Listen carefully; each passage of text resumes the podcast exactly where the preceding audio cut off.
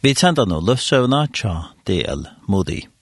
Svenninga Lofti hever omsett, her er Jakobsen leser. Hette er satte pastor.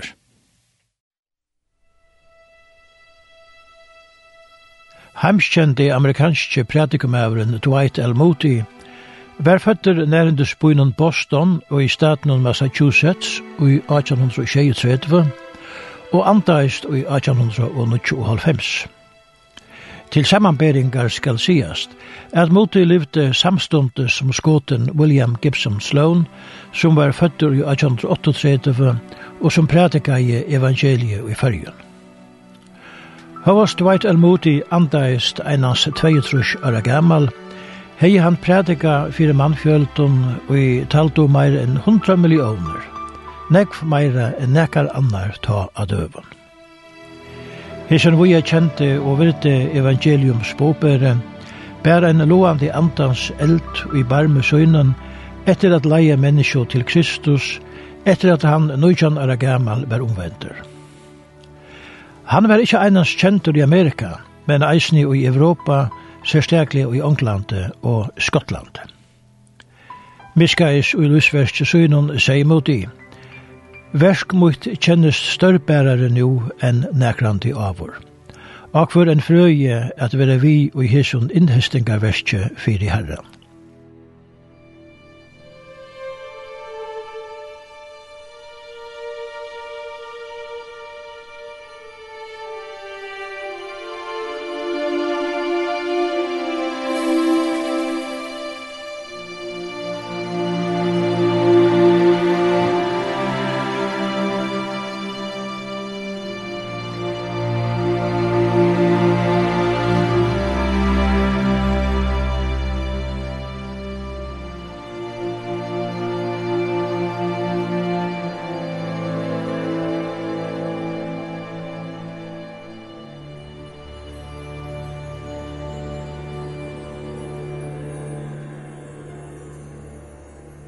Og i personen fer man undan være greit fra utne, som DL Moti vusti og i sundagsskola arbeidnån, samstående som han arbeider som handelsmæver.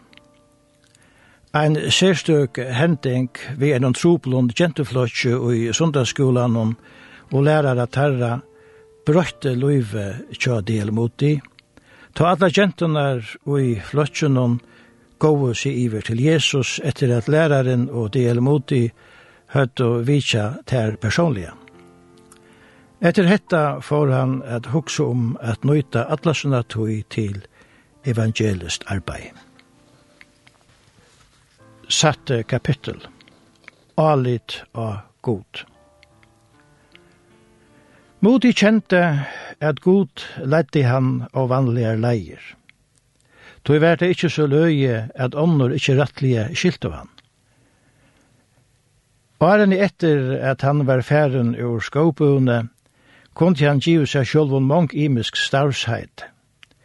Til dømes bokavører og i kristelige felan for unkar menn, bojar troboare, samkommeleiere, prædikemæver tja KFOM – Men uh, sannleggen var at han kvørsi huksa i om hetta etla hitt, men einans er gjerra ta versk og i god gav honom at utinna. Mong var tei og ikkje kunde skilja at ein 24 år gammal mævur slepte ein gåon starve som gav honom meiri enn 20.000 kroner i inntøk og årlige, utan at han visste seg neka anna lønande starv. Men atlan hans er ver at nøyta tan pening han hei spart sær, sem av betyr peninge som viner hansara av og av honom, så at han kunde halda fram og i heiltøyar versk fyrir herran og i nøkker år. Han hoksa at herren som hei kalla han til sutt versk, eisene var føre fyrir jeg djøvu honom te og i honom tørvei. Om så var at hette ikkje rikka jeg, kunde han alltid fære attur at selja skekvar. Han byrjaði såstad hessa troarlei utan avtala av hans stol fra nøkron troboanar fellesskapet, edla einstukon menneskjon, men einans og i alut i a, er god for å utvea til hålund tarvei.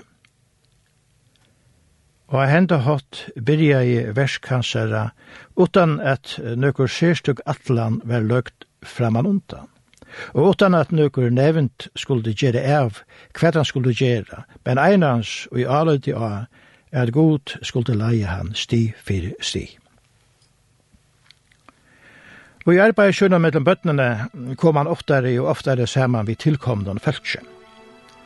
Men til det ugjørligt at sige noe greinlige nær han byrja i ta versk som han gjørst hemskjentur fire, at kunnkjera evangeliet verskansara og sérstøk og prædik og evne hansara bonavost så vi og vi.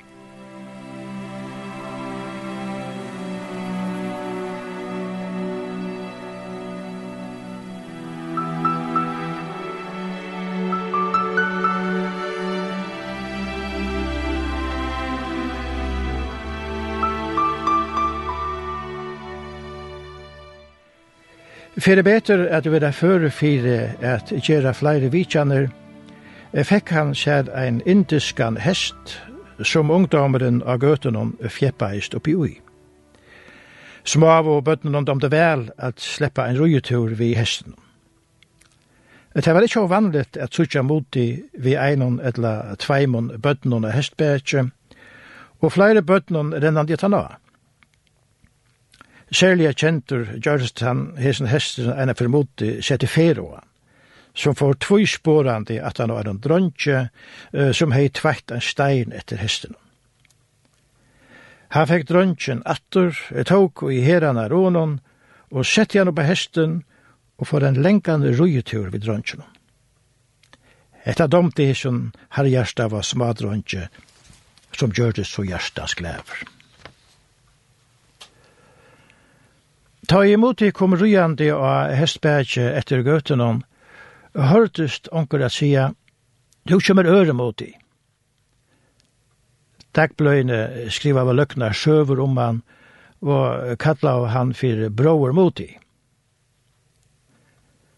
Og med hessa tøyna trolova i han vi en gente som heiver sundagsskolalærere, og jo einan av tæman aller fyrstu sundagsskolan som måtte heiver skoi. De giftes i 1832. Hun gjørtes til henne en veldig bestål. Begge tog at hun hei en bedre utbygging enn han, men sérstaklig av tog at hun var en heiligasta tryggvande kvinna som var god at råføre seg vi.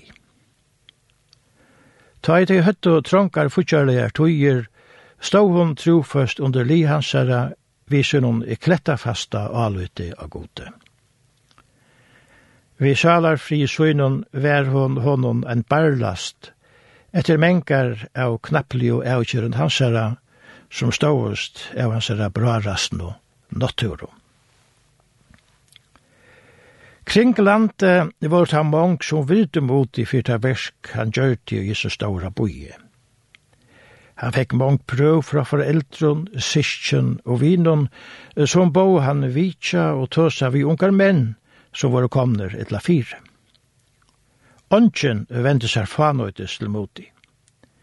Mennesker av hisson unge mannen brøttest og gjørtest et livande vimmele fyrtaversk og moti gjørte, Jeg tog at her henda hatt våre bjergeier, som brantar ut ur eldenon. Ta imot i skipa i fyrir sundagskulle utferden Dotti han ser det vel a standa fyrir leitj og spæl. Han dod i eisne sera vel at færa fram at han vann gjørst og terra. Han lova i at djeva 13 av dem ringast og guttedronsjon og nutsk klæg til jól, om de vil du koma regleria i sundagsskola. Tølv av hesson dronsjon fink og nutsk klæg som virusløn og gjørst tryggvoviner hans herre. Jeg har tyg at herre vår ensklattur vår der røpter trygtarvøraner kjamoti. Musikk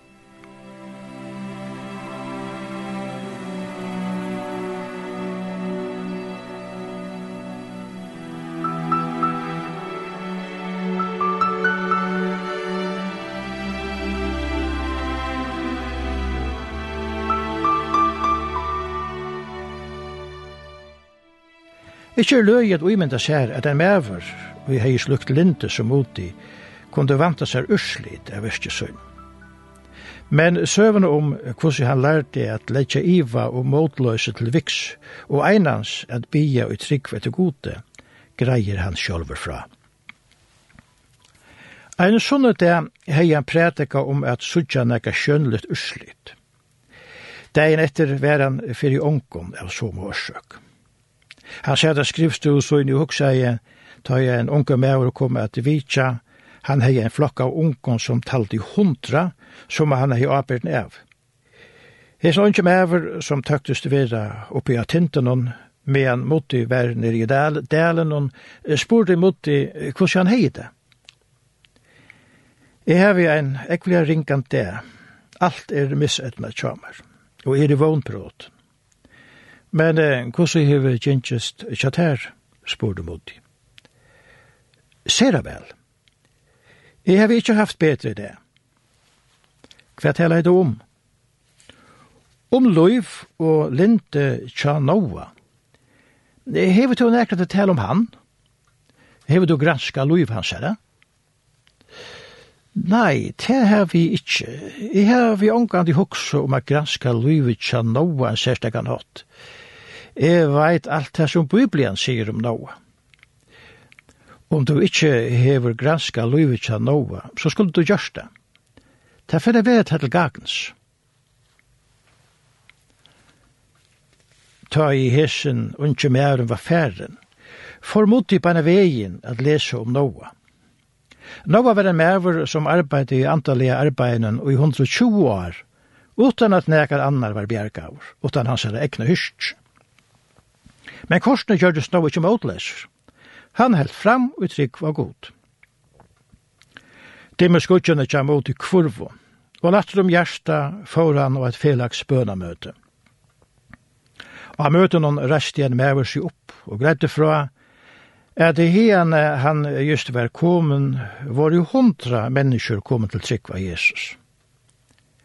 Men med avren grette fra Jesus, sier mot det visse sjølvan. Noa hei lete nekv fyrir at høyre seg tøyende, tøy slug uslit så han ikkje av andalig og tjeneste søyne. Han mever som var møten hon reste seg opp og sier, kunne tid bia fyrir mer, jeg innskje at være frelster mot i hugsaie. Nå var heilet nekk fyrir høyra slukt, tog han hørte jo omgang til nega menneske råpa til god om nage. Men tog misti han ikkje mot. Så igjen henda det her vi omgang til hongt hørs på munna av pulatrøyen. Læt god reka skutjene og vantrunna bostur. Læt jokkun ryma ut ur Ivansborg, sier Moti. Hvor så størt åren en medbor kan heva som gonger fram i trygg.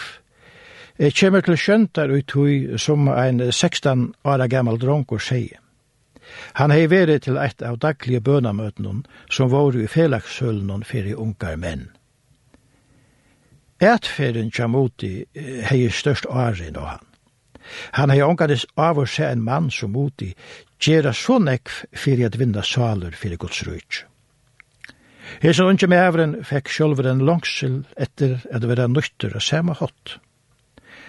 Han hesen største langselen øktest og hei salar avvøkst visser. Han får heim i sommerfrui og rente seg og en stora andalige vetsing. Her tredje var ungfolk leita ut til herra. Og i trutjar manager levde han og i hesson signingarstreime. Hesen elderen og i brann og i luivi hansara så longe som han levde, var kvektur hitt kvölde, tøy han var saman vi moti og øron Guds öttande månen. Ta var i heser som kvekti et innskjø i hånden, er gjerra seg klost og brennande ljós og gjerrande stenen, så at syndarar kundu koma til omvending tjøkken han.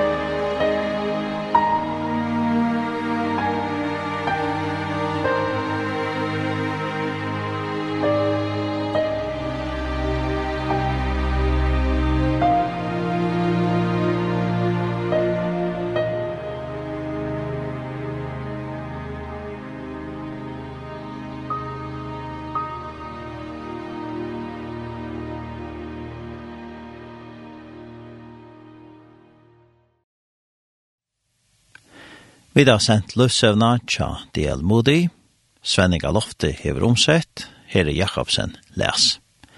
Hetta var satte pastor.